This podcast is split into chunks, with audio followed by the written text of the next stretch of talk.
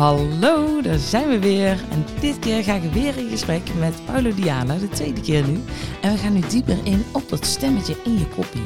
En je kent het wel, die shit FM, die je dan begint af te zeiken als je weer hebt lopen snaaien of iets hebt gegeten waarvan je achteraf dacht, ja fuck, dit had ik niet moeten doen. En je, je, je wordt vervolgens dan weer boos, hè? boos op dat stemmetje, boos op jezelf, de teleurstelling groeit. Maar hoe kun je daar nu mee stoppen? Daarvoor hebben we dus in te duiken op de positieve intentie van die shit FM. En die stem in je kop. En ik weet zeker dat je na het luisteren van deze podcast meer compassie naar jezelf gaat kijken en gaat luisteren. En dat je na het luisteren van deze podcast ook met meer compassie misschien gaat terugkijken op de oude dieetpogingen die je wellicht hebt gedaan. En ook duiken we in op de stelling: dik zijn is een keuze. En je gaat horen waarom Paulo het daar niet mee eens is. En ja, hoe, werkt dit dan ook met die keuzes? Hè? Hoe, hoe, maken wij keuzes met ons kopje? En waarom kiezen we soms voor die chips en die chocola en dat, snoepje? Waar, waar komen die keuzes vandaan? En wanneer je dit straks na het luisteren van de podcast bij jezelf gaat inzien, ja, dan gaat, gaat alles voor jouw afvalreis veranderen. Nou, ik ben echt mega, mega enthousiast over deze podcast, want ik weet zeker dat je, dat je meer vertrouwen gaat krijgen en dat je ook gewoon veel makkelijker je doelen gaat uh, bereiken door dit te weten wat, uh, wat we allemaal gaan bespreken. Nou, uh, ik heb er heel veel zin in. let's go! Hallo Paulo. Hallo. Zitten we weer? Zitten we weer. Oh, wat gezellig. Ik heb echt zo genoten van ons laatste gesprek. Ja, leuk dat ik hier weer mag zijn. Ja, kun je nog herinneren? Ja, zeker. Helemaal leuk. En wat ik vorige keer niet gevraagd heb, want toen begon ik meteen over, hey, waar ken ik jou van? En um, nou ja, eigen introductie van jou. Maar ik heb een leuke beginvraag. En um, dat is, wat is jouw meest gekke eetcombinatie? Waardoor we kunnen zeggen, nou, ook Paulo, die eet alles. Ja, goeie. Uh, nou, ik moest meteen denken, het is niet echt zo'n zeer een gekke eetcombinatie, maar het is, uh, ja, je zou het bijna kunnen noemen een soort fetish die ik heb als het gaat oh. om eet. Dat is stokbrood en knoflooksaus. En dan wel de knoflooksaus van de Albert Heijn in het ronde bakje. Dat is iets waar ik heel goed op ga. Dus dan gaat het niet zozeer om het stokbrood met de knoflooksaus, maar de knoflooksaus met het stokbrood, zeg maar. Dus dat, dat is uh, wat ik heel graag eet. En ik kan soms ook een bui hebben om tien uur s avonds. Ik denk, ik ben morgen vrij ja, ik ga dat even halen nu. Dat vind ik wel een goed idee. En dan oh. slaap ik de hele nacht niet, zeg maar. Oh, ja. Dan, okay. ja, dus dat is echt een, een craving, kan oh. ik het misschien wel noemen. Oké, okay, shit. Ja, wat, ja. wat ik een beetje heb met cheese onion chips, heb jij dan met... Uh, ja, zo hebben we allemaal wat, hè. Ja. nice. ja. Maar dus de, de knoflooksaus, moet ik dat dan meer echt als saus zien? Of meer de, de smeer... Uh, ja, ik eet dat niet. Ja, ze noemen het bij de Albert Heijn wel saus. Maar is het echt een nattig meer ding of meer een smeerbaar ding? Meer smeerbaar, ja. Oh, oké. Okay. Ja. Dus meer zoals de kruiden. Ja, eigenlijk wel. Ding, ja, ja, ding. ja. Uh, hoe noem je dat? Mm, nou ja. Uh, Oké, okay. ja. kruidenboter. Ja, ja Dat- precies. dat ja, alleen dan ja. wat minder hard. Oké, Ja. ook Paulo, die eet alles. Ja, ja, precies. Ja, ja. Lekker. hey, maar nu we het erover hebben, want vorige keer in de vorige aflevering, mocht je hem niet geluisterd hebben, uh, lieve luisteraar, um, eindigden we met, uh, hey, je moet het volgende keer over hebben. Dus uh, laten we daar even op ingaan, want ik noem altijd Shit FM en Power of Sweet FM, dus die stemmetjes allemaal in je kop. Waarbij de Shit FM je eigenlijk zit af te kraken en uh, nou ja, gewoon niet hele lieve dingen zegt. En je misschien ook niet de juiste keuzes laat maken die je, die je zou willen. Maar toen zei jij, ja, maar ook Shit FM heeft een positieve intentie. Ja. Oeh. Dus dat vind ik interessant om in te gaan. En we hadden het natuurlijk net over uh, onze guilty pleasure. En uh, hoe zit het met bodemdrang? Ja, ja. Als je weet wat bodemdrang is. Ja, ik heb het net, uh, je, je benoemde hem in de introductie al even, voordat de luisteraar natuurlijk dit heeft gehoord. Dus ik had het net al even gevraagd aan Mout, wat is bodemdrang eigenlijk? dus ik ben inmiddels op, op de hoogte van dit begrip. Niet, ik weet niet, misschien is het een Brabants iets of zo. ja, zeggen. misschien. Maar ja. het is, hey, je maakt de zak chips open of de whatever open en die moet gewoon leeg. Ja, die gewoon moet op. Tot de bodem. Ja, ja, ja. ja bodemdrang. Ja, ja. Wat? ja. Oh, want dat is natuurlijk een ding. Iedereen heeft wel zo zijn guilty pleasures en zijn, zijn lekkere snacks waar je echt nou van kan dromen bewijzen van. En denkt, oké, okay, hier heb ik nu zin in, dat wil ik nu hebben. Ja. Maar ook gewoon misschien de dingen waar je zegt, ja shit, ik zit het allemaal weg te vergeten en te snijden. En dat was eigenlijk niet de bedoeling. Ja. Hoe kan dat, dat Ja. we dat doen? Ja. Ja, interessant. Dus we gaan het hebben over, dat, over het snijden eigenlijk. Het, misschien wel het onbewust snijden, als we Ja. het zo zouden kunnen noemen. Ehm, en we gaan het hebben over dat stemmetje in ons hoofd, Ja, eh, die jij ja, Shit die- FM, en ja. FM noemt. Ehm, ja, die af en toe heel erg vervelend kan zijn en tegelijkertijd ook wel een goede intentie heeft. Ehm, en waarom is dat fijn ook voor luisteraars om te weten? Omdat je dan ook met wat meer compassie kan gaan kijken naar die stem. En dat die stem echt wel degelijk een functie heeft in Mm. jouw doen en laten. Eh, in plaats van dat je boos gaat worden op de stem. Want dat Ja. werkt vaak averechts. ja, ja, Ja. ja. ja, Als ik zo mijn hand tegen... tegen wil, je, wil je jouw hand eens tegen mijn hand houden? Als ik nu eh, duw, wat doe jij dan? Eh, dan ga ik mijn schouder lokken. Ja, dus je duwt ook terug, hè? Dus je Ja. geeft weerstand terug. Oh ja. Ja, dus eh, weerstand roept ook weerstand op. Dus het heeft ook niet zoveel zin om die stem dan vervolgens heel streng te gaan toespreken. Nee, want er wordt gewoon een bitchfight in je hoofd. Ja, en dat levert alleen maar weer extra stress en spanning op. Dus het is heel fijn en helpvol om ook echt te snappen dat die stem een hele goede intentie heeft. Om niet zo te Oh. drukken tegen die stem. Want anders krijg je alleen maar meer stress in je systeem. En voor sommige mensen betekent stress meer eten. Ja, ja, ja, ja. Ja, en anders, eh, hè, dus het, het, eh, wat heel veel cliënten ook noemen, het, het gevecht in mijn hoofd, hoe kan ik dat stoppen? Ja, Nou, door er een zachtere stem tegenover te zetten. ja. In plaats van nog een, nog een stem die nog harder gaat schreeuwen. Mhm. Ja, nou had je niet Ja. moeten doen. En ja, inderdaad, oh, ben ik toch een loser? En eh, oh, Ja. ja, ja, ben ik toch een sukkel? Ja, eh, ja. ja. Dat, dat, dat- nee, dat gaat niet werken. Nee, dus dan is het heel fijn om te weten dat die stem eigenlijk ook best wel aardig is. Alleen misschien niet aardig overkomt. Ja. Ja, Dus wat is die positieve intentie? ja laten we daar eens over gaan ja, hebben. We, meteen, eh, ik wil meteen Ja, altijd op een ja. vraag, hoor. Ja. ja, jij bent van de snelheid, hè? ja. Ehm, nou, laat ik, eens, laat ik eens even starten bij ehm, eh, een post die ik op LinkedIn een tijdje geleden zag. Ik ben zelf niet zo'n reageerder op LinkedIn. Maar ik zag een post van een dame en die schreef iets over, ehm, nou ja, dat zij behoorlijk was afgevallen. Oh ja. Ehm, en ze had een, eh, zo'n contrastfoto, zo'n voor-na-foto Oh ja. LinkedIn. Dus die doen het altijd goed, hè? ja. Eh, ehm, en daar, daar bestond als titel boven: eh, afvallen is een keuze. Ehm, en daar had ik op gereageerd, want dat triggerde mij wel. Oeh, interessant dit. ook omdat ik, wat ik in de vorige podcast ook had gezegd, is dat het woord keuze ook bewustzijn impliceert. Mm. Want zonder bewustzijn kan ik die keuze niet maken, maar wordt die meer onbewust. Ehm, dus in hoeverre ehm, is, is afvallen een, een, een keuze? Ehm, nee, ik, ik zeg het trouwens verkeerd. Ze zei niet afvallen is een keuze, dik zijn is een keuze, zei ze. Oké. Ja, dus hij wordt iets anders. Ze zei dik zijn is een keuze. Mm. Dus en wetende dat, dat een keuze bewustzijn impliceert, is dat best wel een hele interessante stelling. Hè? Eh, Mhm. want daarmee impliceer je dus ook dat mensen er bewust voor kiezen om dik te zijn.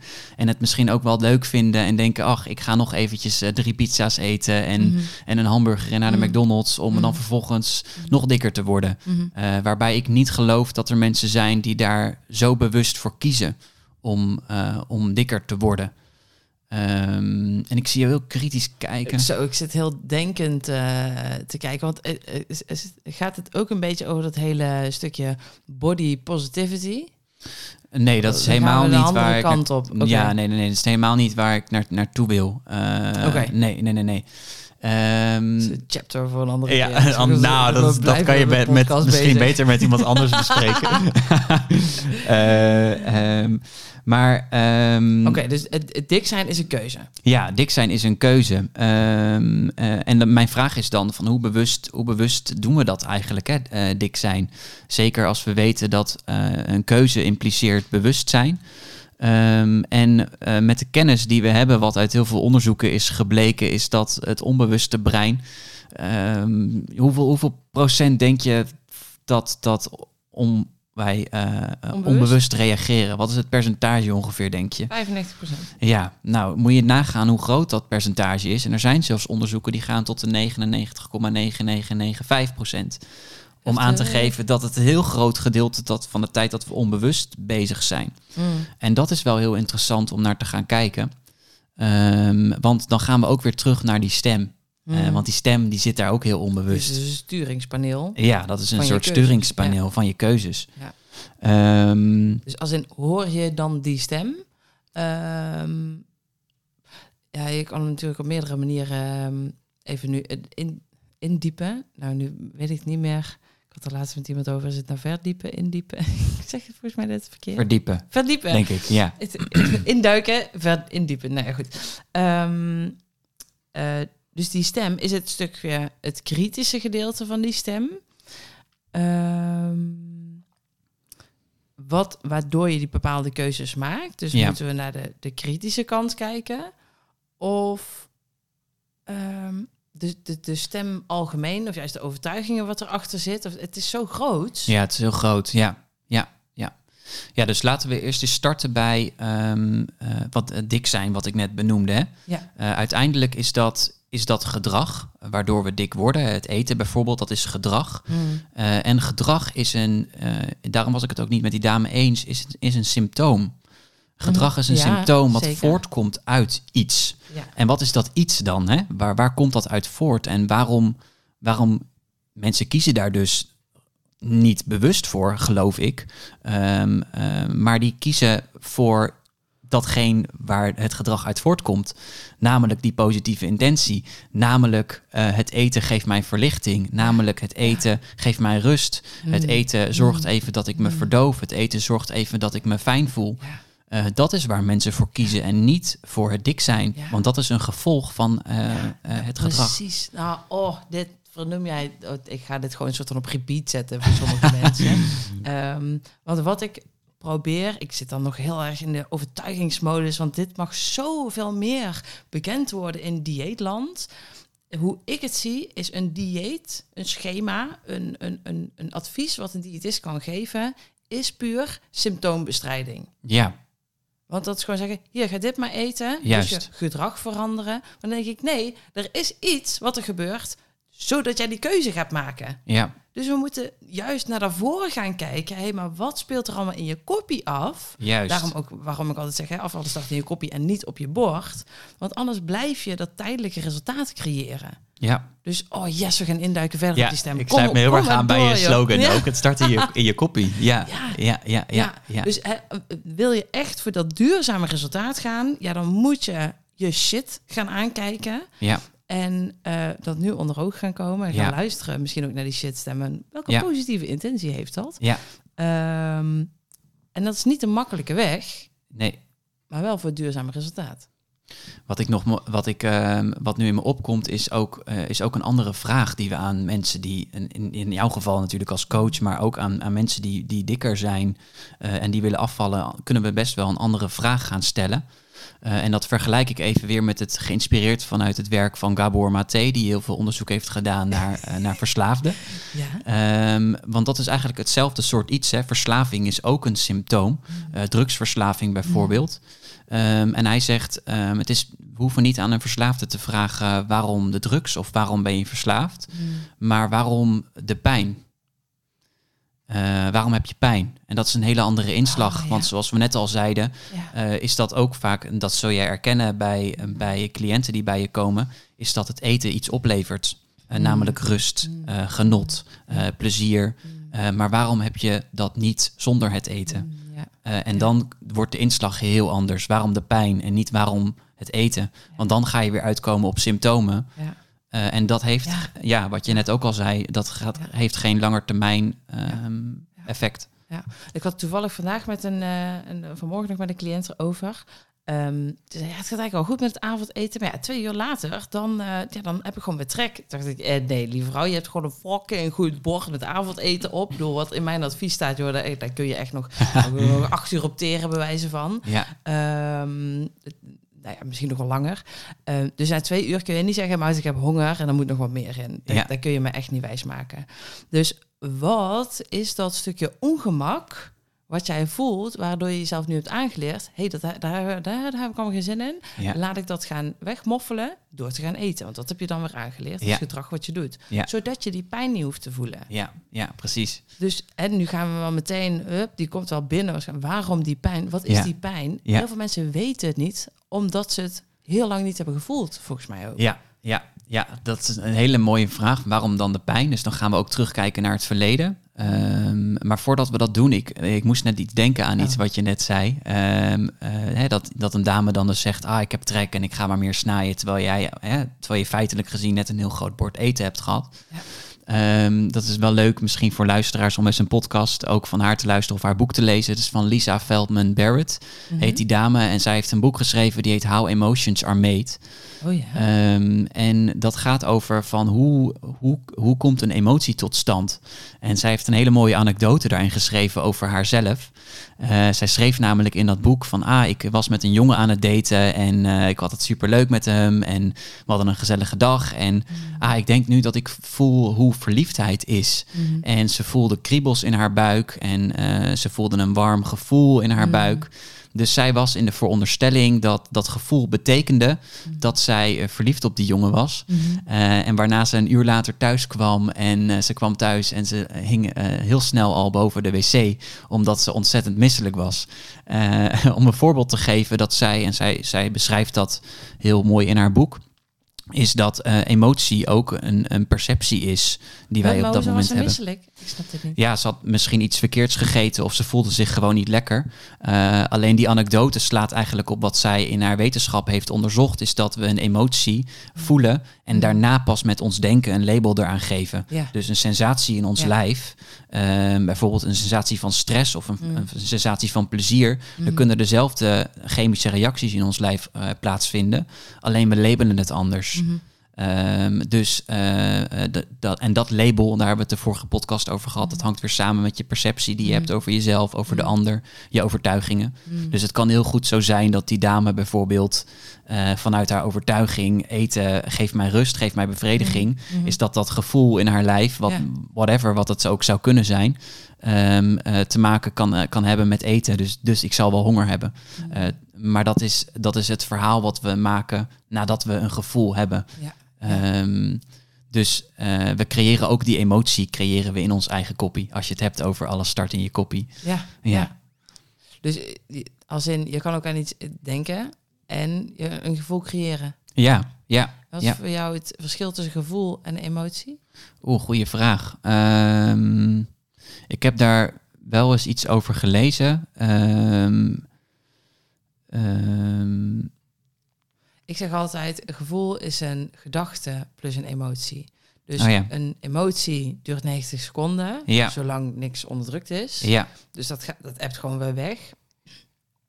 Maar als je in zo'n staat bent, ja, maar ik ben echt al de hele dag boos. Ja, dan Ja. ben je het lekker aan het voeden met je gedachten. Ja, en dan precies. blijven ze het lekker hangen. ja, dus dan is het meer voelen. En dan is het een gevoel. Ja, ja, ja, ja. ja. Het is meer stemming. Ja, dus je blijft die emotie, blijf je gewoon voeden. Ja, ja, ja, ja. ja met, dat, met dat stemmetje. Ja, Ja, met dat stemmetje. ja, ja, Dus wat zegt hij? Om op beide kanten ook op te werken. Van, hè, oké, wat hoor je? ja, Wat voel je? En hoe kunnen we er nu meer informatie uithalen? ja, Ehm, ook wat je dus doet met dat gedrag. Ja. ja, ja. Maar goed, we dwalen af, Ja, want je had net een andere vraag gesteld. Van waar komt, die, waar komt eh, die, dat stemmetje dan vandaan? Of wat vroeg je ook alweer? Ehm, Ik heb al zes vragen gesteld. Ehm nou, die pijn. ja, Hè, wa- waar- waarom die pijn? Ehm, ik denk dat die voor sommigen heel obvious is. Dat je het echt wel weet. Van, ja, kak, dat is eh tig jaar terug en eh tut, tut, tut. En ik denk ook elke afvalpoging die je hebt gedaan... En, en het, eh, het gevoel, kak, ik heb weer gefaald... is ook een, een stukje pijn. ja, Ehm, wat, wat alleen maar groter en groter wordt. Wat de uitdaging maakt. Ja, oh, moet ik nu weer beginnen? ja, Dat, en dan begint dat stemmetje natuurlijk helemaal te ratelen van... ja, gaat het niet lukken? Want Precies. je hebt al zes keer bewezen dat het niet is gelukt. Dus waarom zou het nu wel lukken? ja, Ehm, maar bij anderen is het misschien minder logisch...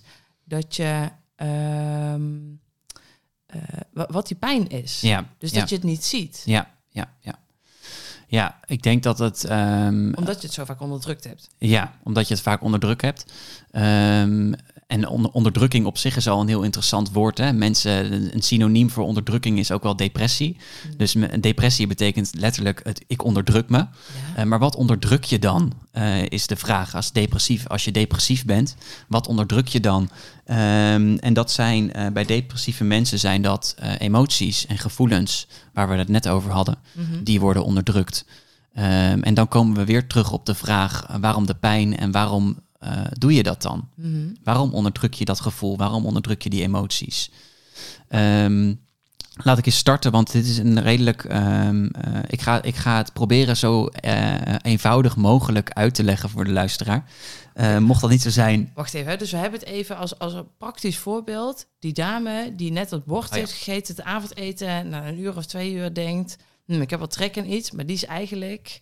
Die, die kan geen honger hebben, nee. maar die is eigenlijk gewoon shit aan het wegdrukken. Ik, dit- het voelt oncomfortabel, maar ik wil die co- oncomfortabelheid niet opzoeken. Ja, dus dat zou, dat zou heel, heel goed kunnen. Hè? Eh, dus dan komen we weer terug op waar we het in het begin over hadden, is ehm, de, de positieve intentie achter het eten. Namelijk dat mensen zeggen, Ja. het levert mij iets op. Ja, En in principe is al het negatieve, eh, ineffectieve gedrag, kan ik het wel noemen. Hm. Ehm, of het nou eten is, drinken, alcohol, roken, ehm, levert die persoon iets op. Ja. Namelijk rust, Ja. eh, vertrouwen, eh, zelfverzekerdheid. Ja. Ehm, en waarom is dat er nu niet? ja. Waarom heb je dan dit middel nodig om dat, om dat te creëren?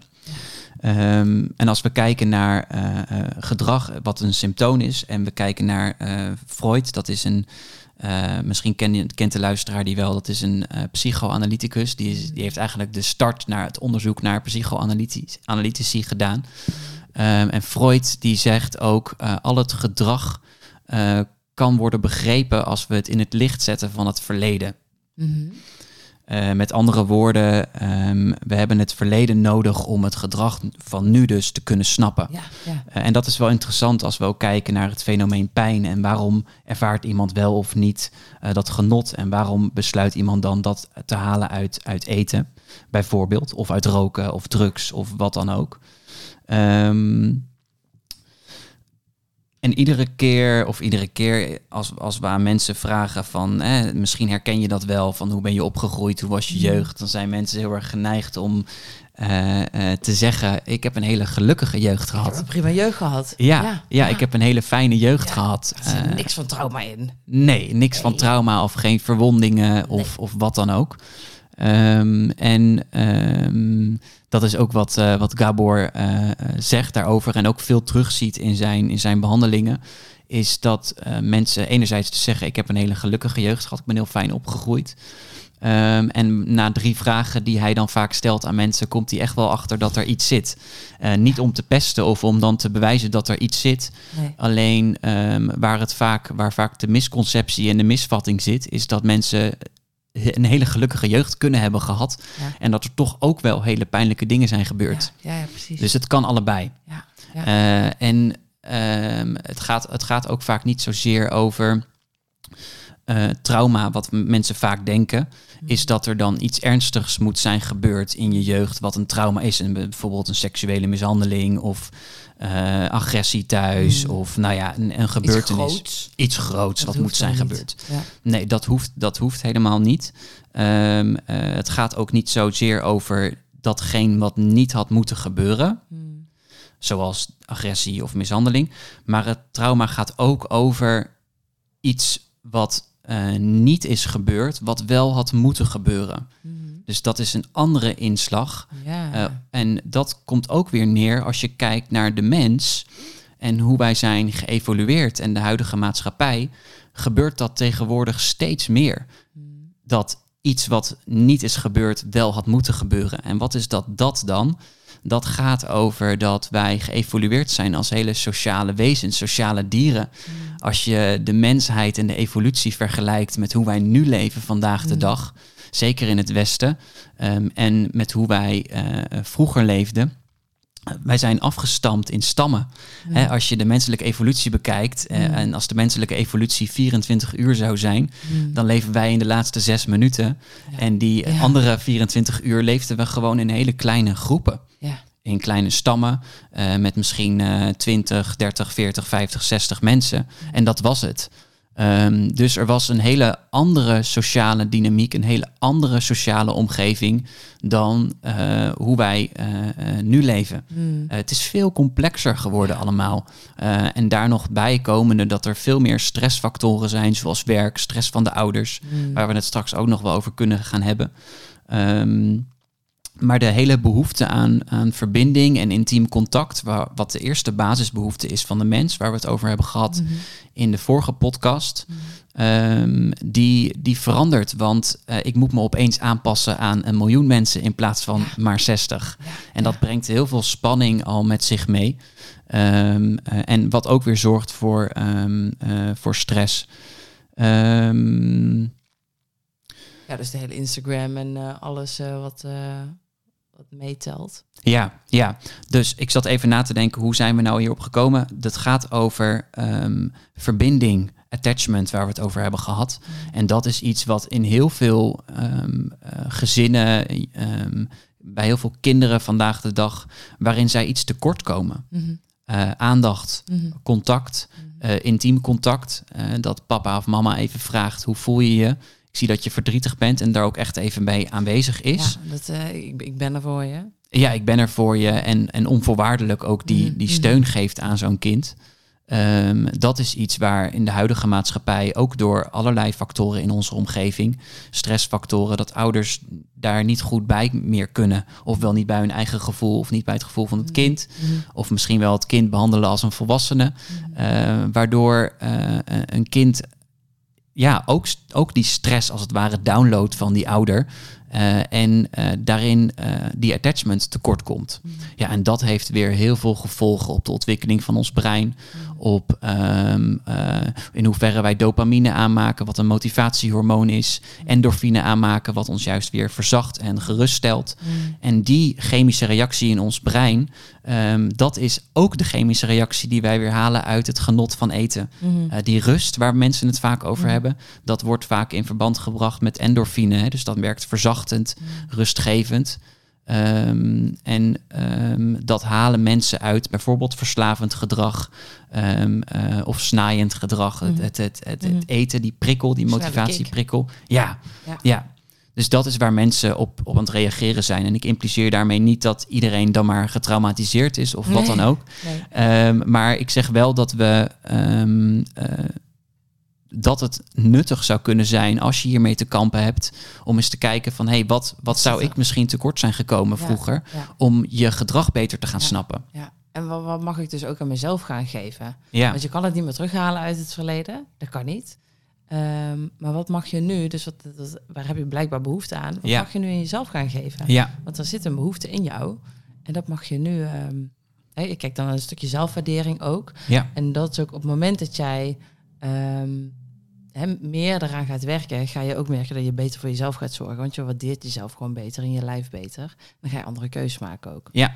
Ja, maar daarvoor heb je er wel op in te duiken. Ja, daar heb je wel op in te duiken. Ja, ja, ja, ja, ja. Ja, ja en, eh, en terugkomend dan nog op, op, op de stem. Hè. Ehm, eh, Freud noemde die, die stem, dus dat is die psychoanalyticus, noemde die stem dus superego.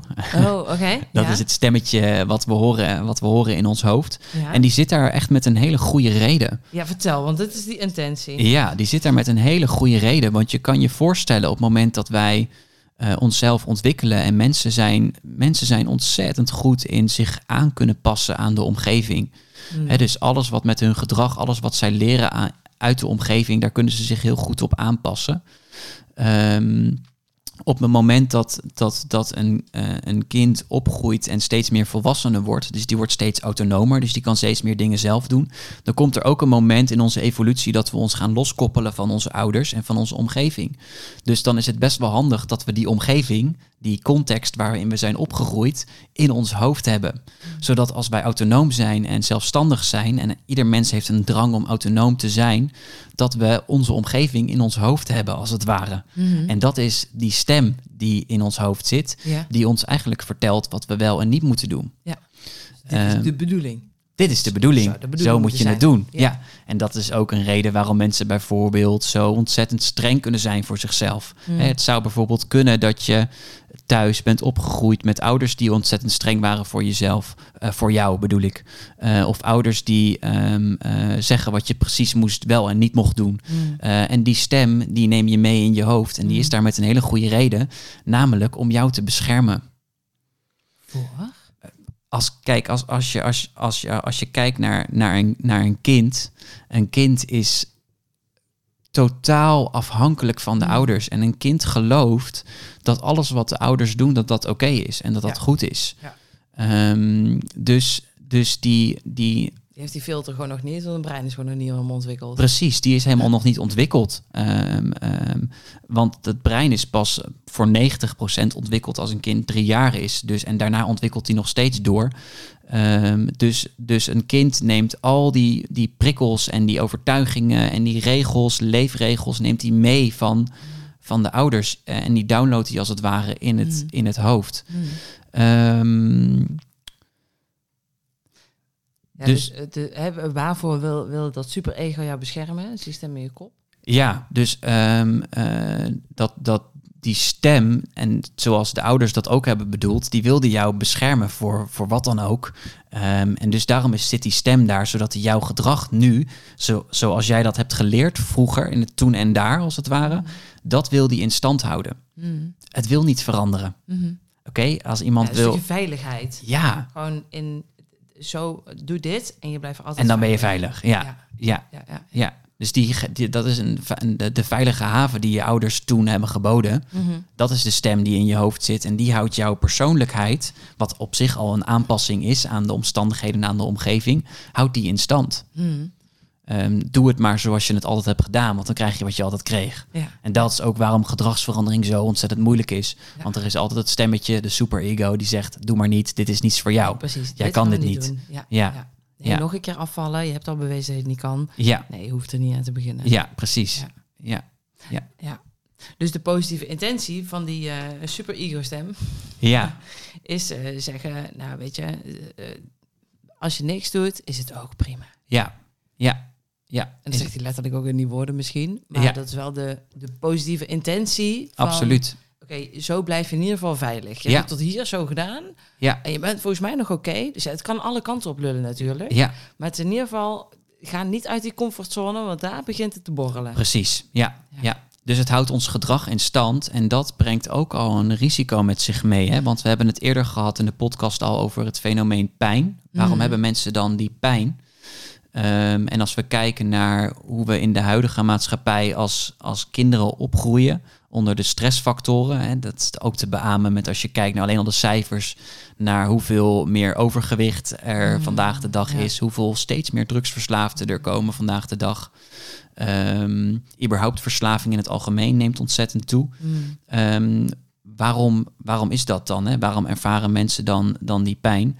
Ehm, en ik benoemde het net ook al dat ehm, mensen eh, niet zozeer fysieke pijn hoeven, hoeven te hebben ervaren in hun jeugd, dus echt fysiek trauma, maar dat emotioneel trauma. En Mhm. daar bedoel ik mee de aan- of afwezigheid van sociaal contact, sociale afwijzing als kind, Mhm. niet gehoord worden, niet gezien worden als kind, niet begrepen worden. Ehm, dat, dat blijkt dus uit onderzoek dezelfde pijncircuits in je brein te los te maken als eh, fysiek trauma. Mm. Eh, dus sociaal trauma en emotioneel trauma is Mhm. ook een vorm van trauma. Mhm. Ehm, en dat zorgt er op zijn beurt weer voor dat ehm, het brein ehm, letterlijk ook niet helemaal volgroeit. Dus niet de 100% capaciteit krijgt die het hoort te hebben. Ehm, het zorgt ervoor dat ehm, eh, de aanmaak van dopamine, wat het motivatiehormoon is, Mhm. dat zet ons gedrag aan tot actie, eh, verminderd wordt. Dus, dus de, ehm, de huishouding van de dopamine-receptoren wordt minder. Mm.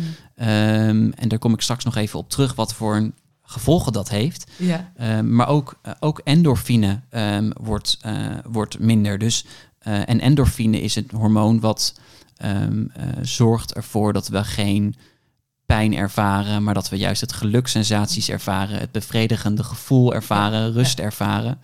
Ehm, dus op het moment dat wij minder van die hormonen in onze huishouding hebben, als het ware, Ja. eh, door juist meer cortisol, wat het stresshormoon Mhm. is, Mhm.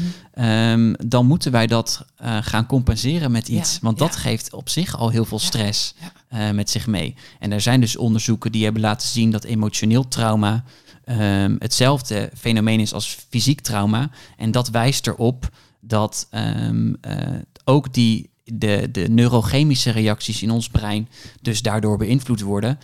En de vraag is, hoe ga je ervoor zorgen dat die eh, huishouding in jouw hoofd Mhm. eh, op peil blijft? Ja.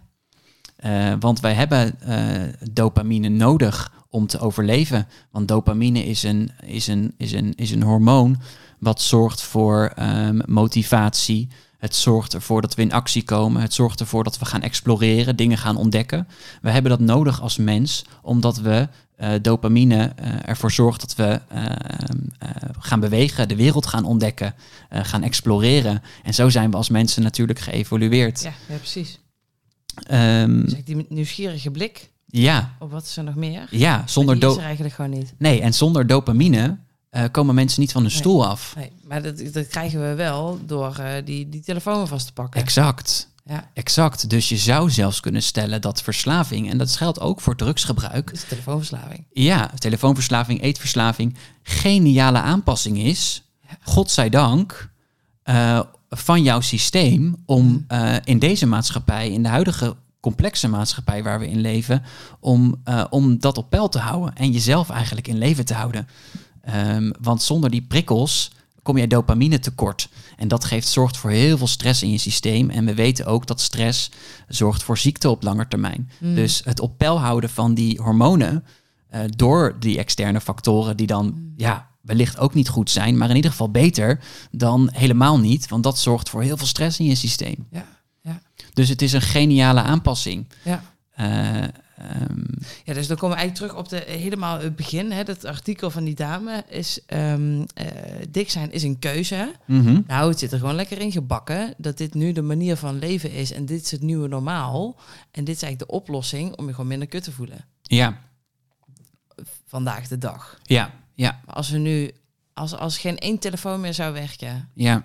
oh, dan zou er paniek gezaaid worden, jongen. Ja. Echt. Oh, dan is echt iedereen meteen, nou, de hele stress, stressreactie. Ja. Maar, oh, ik ben mijn telefoon Precies. thuis vergeten, ik kan niet meer bellen. Woe. Ja. Ja, precies. Ja. Ja. Ja, ja dus dat, dat levert al heel veel stress op. Ja. Dus, um, en, en, um, dus ik, ik denk niet dat dik zijn een keuze is. Nogmaals, ik denk niet dat mensen daar bewust voor kiezen. Uh, maar ik denk dat het een symptoom is van, um, uh, van pijn. En dat het een symptoom is om, om pijn te verzachten. Hmm. Uh, net zoals dat die neurochemische reacties dat, dat veroorzaken, zoals endorfine, wat pijnverzachtend werkt, Ja. levert dat het die persoon op. Ja. En dan kan je de vraag stellen, uh, waarom heb je die uh, um, neurochemische reacties nodig, Hmm. als het ware, Hmm. om, om die pijn te verzachten? Ja. Um, wat een hele andere blik geeft op, veel meer compassievol op. Ja, gewoon veel liever naar jezelf kijken van, hé, hey, wacht even, dit heeft een hele logische verklaring. Ja, En nu kan ik liever tegen die shit FM zeggen, ja, oké, hey, goed dat ik het zie, juist. goed dat ik je hoor, Ja. dank je wel voor deze veilige schijnveiligheid. Ja, dat is wat het Ehm, is. Maar ga ja. wel even mijn shit fixen, Ja. oké? Ja, ja. Nou, top. Dat is, dat is die schijnveiligheid. Ja. Ja. En ik leg dat uit met het, eh, misschien ken je dat ook wel, het vat van zelfwaardering. Dus dat gaat dan over, oké, hoe kun je je vat meer vullen? Dus dat je meer ehm en dat stukje zelfwaardering Ja. werkt. En hoe zorg je ervoor dat je dat vat minder vaak leeg gaat schieten? Ja, Ehm, dat, dat het weer leeg loopt. ja, Dus vooral de woorden, hey, goed dat ik het zie, geeft al dat stukje compassie en erkenning. ja, ja, Die, dat is zo belangrijk. Plus, wat ik leuk vind, is meteen nog een schouderklopje. Van, hey, oh, ik ben lekker bezig. Yes. En, en vooral als je in het traject zit, ja, dan, dan eh, is het zo belangrijk om die, nou, volgens mij noemde je het net ook al, of misschien eerder nog in een andere podcast, die succeservaringen, puur door te zeggen, hey, goed dat ik het zie, is gewoon al een succeservaring. ja, Hoe fucking klein Absoluut. dan ook. ja, ja, ja, ja, ja. Is gewoon een, een dikke fucking win. Is Yes. gewoon goed. Ja, ja. Ja, maar dat is het ook. Dat is het ook. En eigenlijk is het, is het waar, je, waar je het nu over hebt, is, is het ook het halen naar het bewustzijn. Hè? Ja, Ehm, zoals ik ook al aan het begin van de podcast noemde, Freud zei, het gedrag, al het gedrag kan worden hè, ehm, begrepen in het licht van het verleden. ja, Ehm, en, en, en dat is deels ook waar. eh, want we kunnen ook denken als mensen en we kunnen ook creëren en we kunnen ook eh, in de toekomst denken. Eh, dus niet al het gedrag komt door het verleden, want dat is wat, het, wat die zin impliceert. Maar we kunnen ook een andere keuze maken door dingen naar ons bewustzijn te halen, door te denken, Precies. oh ja, ik merk nu dat die stem tegen me praat, hey, Ja. ik maak nu Ja. een andere keuze, want. ja, ja, ja. ja. Ehm, dus, dus ja, dat is, dat is het bewust maken van het onbewuste. En dat is al een eerste goede stap om. eh, Ja. ehm, ja, die om te veranderen. mag Ja, je meer samenbrengen. Hè? Ja. Dus het is niet, oh, ik moet alleen maar met bewuste werken of oh, alleen maar met het onbewuste. Hè? Als mensen denken aan naar hypnose. Ik heb dan ook een, eh, een podcastopname met Manon, die is hypnotherapeut. Daar werk ik ook mee samen. Dus we kijken ook echt wel naar dat stukje. Hoe kun je in dat onbewuste eigenlijk gewoon lekker gaan graven om te ontdekken, hey, wat speelt daar dus allemaal? ja, Ehm, maar je kunt dus ook met je bewust aan de slag. En die twee hebben gewoon beter te communiceren. ja, ja, ja, precies. Ja, Hey, dus we hebben het gehad over die eh shit FM en positieve intentie. En ehm, nou, eigenlijk is dan ook de vraag met hem waarom de bodemdrang beantwoord. ja, waarom is het Ja. helemaal op? ja, Ehm, en het stukje ook, eh, hoe kun je dus compassievoller nu naar jezelf kijken? Want Ja. je begrijpt nu, hey, wat, wat, wat heeft die shit FM dus eigenlijk wel voor nut? Die zal ook niet weggaan, want die is er altijd om je te beschermen. ja, En ik zeg altijd, zet daar een andere, krachtigere stem eh, tegenover. Ja, al, al zijn het die vijf woorden, goed dat ik het zie. ja, Ehm, ja, dat maakt dat je ook misschien bewust een andere keuze kunt maken. ja, ja, precies. Wat heb jij nog meer over te vertellen? Ehm, Volgens mij heel veel. Ja, Eh, ja, zo, zo interessant. Nou, die pijn. Dus we willen, hè, waarom de pijn? Ehm, is dat ook een, een ik noem dat soms ook wel de blinde vlekken. Je kan niet weten wat je niet weet. mhm. Dus hè, dat stukje onbewust is voor heel veel mensen een soort van ongrijpbaar. Ik ben het onbewust, dus ik weet het allemaal niet. Dus, en je kan niet werken aan iets wat je niet weet. Dus dat zijn de blinde vlekken. ja, Ehm, waar wil ik naartoe met dit verhaal? Het gewoon meer een monoloog dan dat ik nu een gesprek. Ja. We hebben net al even een breinkrakertje gehad. Dus, ja.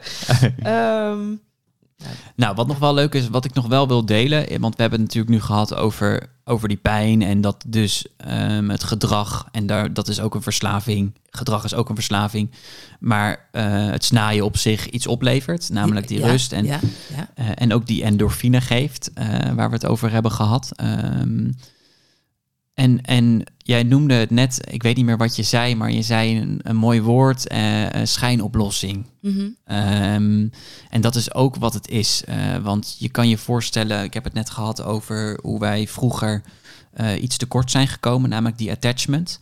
En wat we in het brein heel sterk zien is op het moment dat ehm, kinderen, kinderen worden gere- goed worden gereguleerd op emotioneel gebied, dat zij ook eh, op een natuurlijke manier die endorfine op een juiste manier leren aanmaken in hun brein. Ehm, alleen op het moment dat dat niet gebeurt, dan komt daar een verstoring in dat proces. En dan wordt dat met iets anders opgevuld. Daar hebben we het net over gehad, over Mhm. verslavingsgedrag. En Mhm. ehm, eh, dus, dus het creëren van endorfine kunnen mensen bijvoorbeeld uit eten halen. Die, Ja. die, die leegte die ze daarin Ja. voelen, letterlijk ook wat mensen soms een leegte noemen, Mhm. dat halen ze uit eten. Ja. Alleen waar het ehm, eh, vanuit biologisch aspect voor is bedoeld, sociaal-biologisch aspect, gaat die endorfine over attachment, over verbinding met Mhm. mensen, in contact staan met Mhm. mensen. Dus een vraag die je jezelf zou kunnen stellen als luisteraar, en als jij hier tegenaan loopt, is ehm, in hoeverre ben ik in contact met mijn omgeving? In hoeverre sta ik echt in verbinding met mijn omgeving en ehm, eh, kan ik mezelf en durf ik mezelf in mijn omgeving te laten zien? Heb ik diepgaand contact met mensen of meer oppervlakkig contact? Omdat juist eh, het verbinding op emotioneel gebied met mensen eh, juist voor die endorfine zorgt op een gezonde manier. Ja, ja, ja, ja. En dit is denk ik ook wel een hele herkenbare, vooral voor de mensen die zeggen, oké, ik heb echt van die stiekem eetbuien. Dan, dan, Ja. dan is niemand thuis en dan, dan denk je, oh, dit is mijn moment, nu kan ik gaan. En waarvan je denkt, ja, maar dit slaat helemaal nergens op. Dit is zo krom, waarom doe ik dat? Nou, hier heb je echt wel gewoon een, een, een, eh, een goed punt om die vraag aan jezelf te stellen. Ja, ja, Want waar, waarom zou je het anders alleen doen? Waarom, Ja. Als je alleen bent, voel je zo die behoefte. ja, ja, precies. Ja, ja. Ja, dus in, hoe, en ja, in hoeverre sta ik in contact met, eh, met mijn mensen en eh, met mensen om me heen, met vrienden, vriendinnen, mijn man, mijn vrouw, ehm, ehm, ja. whatever. Ehm, omdat dat, dat voor de natuurlijke manier van die endorfine zorgt. En dat ook weer als een mooie vervanging is, een gezonde vervanging Mm. voor eh, die eetverslaving of dat snaaien of wat Ja. het dan ook is. Ja, ja. Ehm, heel mooi dat je deze nog toevoegt. Ja, ja dus dat is, kan een vraag zijn die je aan jezelf zou kunnen stellen. Ja. Ja. Om het even praktisch en concreet te maken, daar hou ik altijd van. ja, Ehm, is wie zou je... Stel je zit op de bank en je denkt... Zo, die Jacques Chips ga ik even burgemeester maken. Test dan even, hey, eet ik het omdat ik het echt lekker vind en ik ga hiervan genieten, want het is nog steeds oké. Of ga je het doen om iets weg te eten en weet eigenlijk af, fuck, dit is, dit is niet de bedoeling. ja, Is het dat tweede, dat laatste? Sluit die zak. Ik wou zeggen, pak die telefoon en ga iemand bellen. Maar liefst eigenlijk gewoon die telefoon weg. Maar eh, ja, of ga naar buiten of ga naar de buren. Ga gewoon een goed gesprek met iemand voeren. ja, ja, ja. Ja, dus dat zou een hele mooie optie kunnen zijn, hè? Eh, en wat, wat, wat mooi is om daar eens in ieder geval, want wat ik je hoor zeggen, is het gewoon in ieder geval bewust maken. Ja, En dat, dat op zich is al best lastig. Want eh, we, we weten ook, wat we in het begin hebben gezegd, heel veel keuzes gaan al onbewust. Mm. En voor we het weten hebben we die zak al in onze hand. ja, maar de mensen die nu luisteren, die denken... "Damn." Precies, die denken, die ah ja, nu zo doen we dat. Ja, ja, Ja, ja, dus dat helpt al. Is het bewust maken. Eh, weten dat, dat die stem die zegt, ga maar lekker een zak chips eten nu, want dat, daar hou je van. verdient. Die heeft een hele goede intentie. Ja, dus ga daar niet tegen vechten. Eh, maar zeg liever tegen die stem: eh, nee, dankjewel, ik heb je gehoord, maar ik ga nu toch even iets anders doen. Ja. En dan is het inderdaad heel helpend om even een soort breakstate, net als wat, wat Ja. we NLP Ja, altijd, ja, even een breakstate in te lassen van oké, ik ga even naar buiten of ik ga een rondje lopen. Ehm, en daarna iets gaan doen. Ehm, en dan komen we weer terug op wat we al eerder hebben benoemd. Ehm, wat ook in, in, ons, in onze mens zit, in onze drive, namelijk die dopamine aanmaken. Mhm. Iets gaan creëren. Dus ga iets doen wat je leuk vindt. Ga een hobby doen. Ja. Ehm, want zo Zoek krijg een je. leven, zeg je eigenlijk. Zoek een leven. Nee. maar zo creëer je ook die dopamine weer in je brein. Ja. Ehm, Ja. Anders dan die zak. Ja. Die zak doet het ook, alleen die heeft een minder goede intentie met je lichaam. Ja, en dat is grappig, want ehm, nou, dat, dat geef ik dus ook als tip. En dan krijg ik dus weer van cliënten terug. En dit is dus leuk, want zo blijven we dus in een cirkeltje rondlopen. Ja. Ja. maar dan zit ik te tekenen en dan denk ik, ja, dan zit ik weer te tekenen. Dan, zit ik nu toch weer te doen. Ja, Zit ik te kleuren. Ja. Nou, eh, ja, en ja. nog steeds zitten die zak chips. ja. Wat zou je dan adviseren? Nou, ik krijg die. Ik, krijg, ik, ben, ik ben natuurlijk geen diëtiste zoals jij dat bent. eh, maar ik, ik ga wel ook over gedragsverandering. En ik heb Ja, soms ja. ook in, natuurlijk in trainingen die ik geef. ehm, als het moment dat ik met iemand in een gesprek ben over gedragsverandering, dat mensen zeggen: ja, maar. Ja. Ja. Ja, maar. En, en het eerste wat ik dan denk, eh, en soms ook zeg als mensen thuis zijn in die theorie, met wie praat ik nu? Eh, met jouw superego? Ja, ja, ja, ja, of, zeker. of met jouzelf? Want die Ja. superego die doet er alles aan Ja. om jouw gedrag in stand te houden. Ja, zeker. Ehm, oftewel, praat ik nu met jouw ouders Ja, die, eh, die in jouw hoofd zitten? Of praat ik nu ehm, met, ehm, met jou, jouw ware ik, als het ware? dit is een interessante. Oh god, dan gaan we nog een, nog een andere podcast af. Nee, we kunnen nog wel even door. Maar hoe, want dit is, dit is super interessant. Hè, dus de check, hey, hoor ik nu mijn eigen stem of de stem van papi of mami? Ja, On- of eh, voor de Brabants, als papas of man. Ja. Mam. Ehm, maar hoe herken je, want ik denk dat mensen daar ook vaak in vastlopen. Ehm, hoe herken ik die ego-stem en hoe weet ik welke stem van mij is? ja, ja dus ehm, nog een nuance aan, want we noemen steeds ouders. Ouders is, dat noemen we in de transactionele analyse, ouder met een hoofdletter O. Dat hoeft niet per se je moeder of je vader te zijn, maar dat Ja, kan ja. bijvoorbeeld ook je school zijn, ehm, de buurman bij wie je bent opgegroeid, deels, of je opa en oma. Ja, Ehm, je iets geleerd hebt. Ja, en dat is ook meteen deels het antwoord op je vraag. Want je zegt van wie je iets geleerd hebt. Eh. Want die ouder kun je zo zien dat dat is de stem die gaat veel meer over hoe moet je iets doen. Ja. Hoe moet je ehm, eh, iets wel of niet doen bijvoorbeeld. Dus die gaat veel meer over regels, procedures, afkaderingen. Wat is de eh, bedoeling? Wat is de bedoeling? En Ja. zo hoort het. Ja. En dat hoor je vaak terug in, in overtuigingen, maar ook in, over, in generalisaties. Woorden als moeten, altijd, nooit.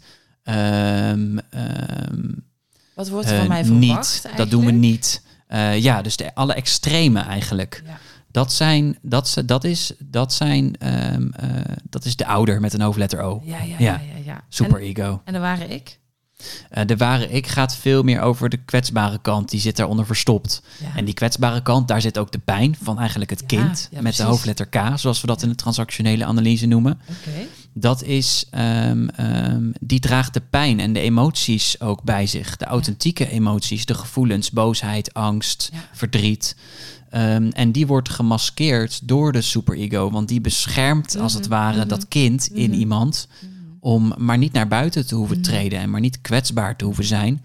Want eh, kwetsbaar, toen ik kwetsbaar was vroeger, toen ik open stond voor mijn ouders, ben ik, heb ik, is mij pijn gedaan Mhm. en heb ik ervoor gekozen om dat af te sluiten. Ja, ja, Want ja. ik wil niet nog een keer pijn gedaan worden. En dat is die ouder die je hoort. Dus je zit als het ware tegen meerdere zelven in iemand te praten. Mhm. En dat is heel waardevol als je kijkt naar transactionele analyse, die eigenlijk al die ikken, al die zelven uit elkaar trekt. Ja, precies. En daar heel veel onderscheid in maakt in van, oké, tegen wie praat ik nu? ja, Eh, ja. ja. Maar, eh, dus eh, ik ver- vergelijk het dan met het, eigenlijk een eh, diamant wat, je, wat er in jou zit, waar eigenlijk gewoon een hele laag modder overheen zit. En we moeten even die modder eraf gaan poetsen. Ja, ja, Zodat die ware ik gewoon weer gaat shinen. ja, precies. Ja, Gewoon lekker Ja. shinen. ja. Maar hoe, kun je een tip geven in... Oké, wacht even. Ik hoor mijn eigen jamaars nu. ja. Ehm, hey, goed dat ik het zie. Top. Hoe ga ik voor mezelf erkennen... Oké, dit is de stem van die, dit is de stem van die. Wat is nu mijn stem? ja. Want dat is de meest pijnlijke stem eigenlijk, die we zo constant zitten te verstoppen. Ja, ja, ja. Ja, dus, dus ehm, eh, je, hebt, je hebt meer, we, we hebben al gezegd, er zijn meerdere zelven. En ik heb er net twee genoemd. Dus die ouder, de superego, zoals Freud hem mooi noemde. En het kind, dus het kind met een hoofdletter K, dus kind-ego. Dus dat Mhm. zijn twee zelven. En de transactionele analyse zegt, ja, maar we hebben nog een stem, nog een zelf. En dat is de volwassene. Dus dat is de volwassene met een hoofdletter V. En dat is eigenlijk de stem die, ehm, dat is jouw bewustzijn. Mhm. Mensen die ehm, heel erg getraumatiseerd zijn en heel ehm, eh, onbewust eh, door het leven gaan, bijvoorbeeld. Die zitten voornamelijk in die ouder en of die kind. Ja. En die hebben een, zoals we dat noemen in de TA, een zwakke volwassene. Ehm, eh, en een zwakke volwassene heeft dus een verlaagd bewustzijn. Mhm. Dus het bewustzijn activeren door je bewust te zijn van die stemmen, Mhm. wat de luisteraar na deze podcast natuurlijk ja, is, Ja, ja, eh, gaat al helpen om dus de distinctie te maken van, oh ja, oké, dus dit is mijn ouder die nu aan het praten is. Die generalisaties, die leefregels en zo moet je, zo ga je dat doen. Ehm, en dan ook eens te gaan vragen van, hé, maar wat ervaar ik zelf, wat voel ik hierbij? ja wat, wat, wat is van mij? Wat, Wat is van mij? ik? Ja, en dat komt weer terug op die pijn waar we het al eerder over hadden. Ehm, die die ehm, motivatiewoorden zoals rust, ehm, eh, verbondenheid, eigenheid, eigenlijk alle woorden die eindigen op heid en tijd, dat noemen we motivatiewoorden, die schuilen in die ik, die schuilen in dat, in dat kind, als het ware. Dat, Ja. dat, is, dat is de positieve intentie die zit achter Ja. dingen die we doen. Dus is dan een vraag die je aan jezelf kan stellen. Oké, maar wacht even. Oké, ik hoor die stem. hey, check. Oké. Eh, die kan misschien van iemand anders. Ik weet niet waar die vandaan komt, maar die is van iemand anders. Ja, Om dan terug de, de koppeling te maken. Ik wil hem concreet en praktisch hebben. Ja. Er iets Ja. mee kunnen. Ehm, wat voel ik? Wat wil ik? juist, die vragen. Wat voel ik, wat wil ik? Ja, ja. Ja. Ja. Om daar gewoon eens mee te gaan oefenen. En Ja. dat kan zo klein zijn als... wil ik nu een bakje koffie of wil ik nu een bakje thee? Ja, ja, En dan denk je, ja, maar Mout, dat slaat nergens op. Hé, hey, wacht even. ja, Ja, maar ja, wie was dit? ja. Ja, ja, ja, ja. En zo, zo hou je hem naar je bewustzijn. En je kan, het kan alsnog zo zijn dat je dan kiest voor die zak chips. Dat je dan bewust kiest, ah, ik pak toch die zak chips. Maar dan is hij al heel anders dan dat je dit hele is interne hele dialoog niet had gehad. groeiproces. Ja, ja, Ja. En dan kan je alsnog trots zijn op jezelf dat je deze keuze bewust hebt gemaakt. In plaats van dat je vorige keer onbewust naar de kast toe liep en hem gewoon Ja. pakte. Ja. Misschien we niet door had. Ja, precies. Ja. Ja. Ach, zoveel opheldering. En ik Ja. denk vooral, en dat, dat, dat hoop ik, en laat het vooral ook weten. Ik weet niet, stuur, stuur een berichtje naar Paulus, stuur een berichtje naar mij. ehm, hoe, hoe deze informatie binnenkomt. Ehm, want het is zo, vind ik, belangrijk om dus met meer een passievollere kijk naar jezelf te kijken. Wil jij je leefstijl gaan veranderen? Ja. Want die zelfwaardering, die, als die omhoog gaat, of wanneer die omhoog gaat eigenlijk, dan wordt die zelfzorg automatisch ook beter. Ja. Want je gaat jezelf meer zien. Ja. Dus ja, dit is zo'n belangrijk onderdeel. En, en, en dit is echt gewoon een heel klein puntje wat we nu hebben besproken van alles waar we nog meer op in kunnen duiken. Ja. Maar echt, ja. Ja, cool. Ja, en ieder gedrag heeft een positieve intentie. Mm, Ik denk dat dat, eh, dat eentje is die, eh, die je gewoon, die luisteraars mogen onthouden mm. eh, en mogen onderzoeken. Ja, ja. Ehm, En dat heeft dus eigenlijk altijd met die veiligheid te maken. ja, ja, Want dat is nog wel het interessante als je je soms afvraagt van... oké, maar wacht even, ik ben nu in een conflict met iemand. Positieve intentie. Nou, ik begrijp die intentie helemaal niet. nee, nee. Nee, maar dus, ja, die, die persoon probeert zich wellicht ook veilig te houden. Ja, precies. Ja, ja. dus er zit ja. altijd een positieve Er intentie. zit altijd een positieve intentie eh, te- achter het achter ineffectief gedrag, al lijkt dat misschien niet zo. Ja. Maar die zitten, kijk, de, de, al het gedrag eh, komt voort uit al het ineffectieve gedrag. En dat is een quote van Gabor weer. Eh, een quote van Gabor. Hij zegt: Al het ineffectieve gedrag van mensen komt voort uit eh, het verlossen, willen verlossen van pijn. Ja. Oh, nog mooier. Eh, dus dat is wel een, eh een goede om, om, om in je achterhoofd te houden. En dat betekent niet dat je dan maar moet gaan weten en zien wat iemands positieve intentie is. Maar die kun je best vragen. Van wat, wat eh, bijvoorbeeld een vraag: wat, wat maakt dat ik dit doe? Mm. Waarom is dit voor mij nu belangrijk? Wat Mm. haal ik hier uit? Wat levert Ja. het mij op? Ja. Kun je ook aan jezelf ja, stellen. aan jezelf, ja, precies. Ja, eh, om zo achter jouw positieve intentie te komen eh, van, eh, van gedrag. Ja. Ach, zo mooi. Nou, we kunnen hier nog Ja. een uur over lullen. Maar Ja. ik denk dat we echt de belangrijkste kern besproken hebben, toch? ja, absoluut. Ja, en ik wil de luisteraar nog op, het hart drukken dat ze dus niet, eh, of, of nou ja, zo, zo stellig wil ik het niet noemen, maar pas op met dus ehm, tegen jezelf ingaan en weerstand bij jezelf opzoeken. Dus de kritische stem afstraffen, bijvoorbeeld. Ja, Hè? Eigenlijk wat wij in het begin deden, dat konden luisteraars natuurlijk niet zien. Maar als je, je kan je voorstellen, als jij je hand tegen iemands anders hand aanhoudt en je duwt daartegen, dan gaat Ja. die ander terugduwen. Mhm, mhm. Dus en, en, dat, en dat fenomeen kunnen we ook in ons hoofd hebben. Mhm, En dat zorgt alleen maar voor meer spanning, alleen maar voor meer stress. En daarin zijn wij zo geconditioneerd dat we bepaalde strategieën onszelf hebben aangeleerd om dat gerust te stellen, om die endorfines te creëren. ja. En dan is het risico dus dat je in verslavend gedrag gaat vallen. Ja, ja. Dus wees compassievol naar anderen en naar jezelf. Ja. Ja. Ach, nou, je maakt hem even mooi rond. Ja. Zo je wist het weer lekker samen te Ja. vatten. nice. Ik denk, ik heb je nog een aanvulling? Maar volgens mij eh, Nee, is alles wel gezegd. is alles wel gezegd. Nou, ja. goed. Ja. Ehm, ja, het, oh, zo, dank u, Paulo.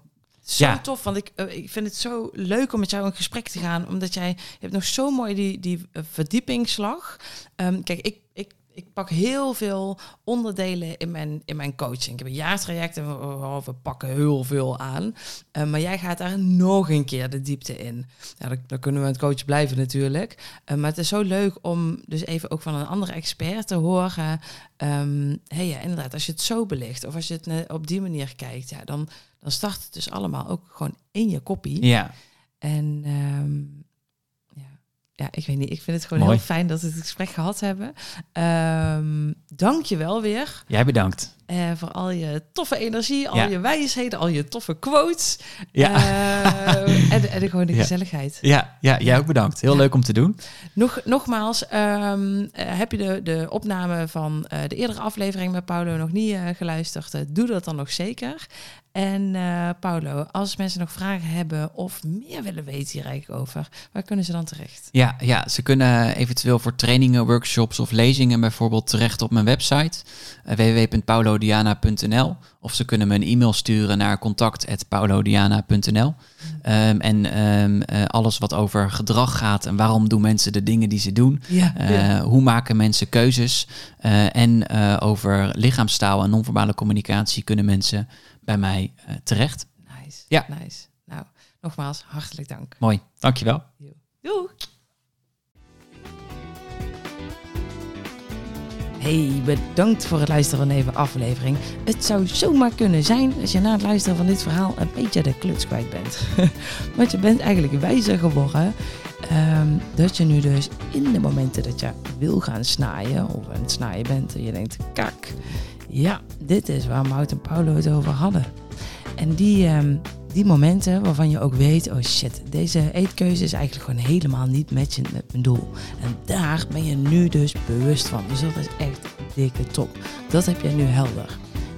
Dat, je, dat je kan begrijpen, oké, dit is waar mijn kopie me nu heen stuurt. Ik kan nu inzien dat dit dus eigenlijk de, de schijnveilige keuze is die ik wil maken.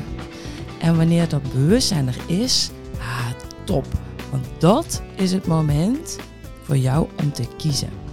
Nou, nog een keer te kiezen. Kiezen om uit je comfortzone te komen en je verantwoordelijkheid te pakken. Of niet in de meme-attractie te stappen.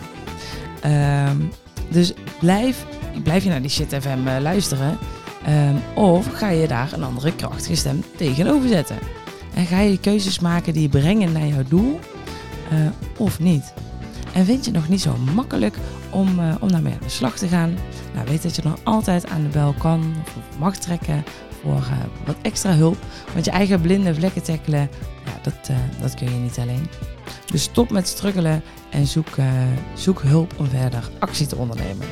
En ja, het mag nu wel duidelijk zijn waarom ik als diëtist dus zeg dat enkel focus op je eetkeuzes alleen maar symptoombestrijding is. Dus wil je echt die kern aanpakken en gaan voor het duurzame resultaat, dan weet je nu ook waarom ik dus zeg afvallen start in je koppie en niet op je bord. Ben je benieuwd hoe ik dat doe bij mijn cliënten, hoe ik hun verder help? Neem dan een kijkje op mijn website www.goedgevoed-goedgetraind.nl En vond je deze aflevering tof? Nou, laat het me dan uh, weten. Laat een toffe review achter via jouw podcastkanaal. Zodat ik nog meer uh, mensen kan bereiken met deze boodschap. En voor nu sluit ik hem weer af. En zou ik zeggen, tot de volgende. Houdoe!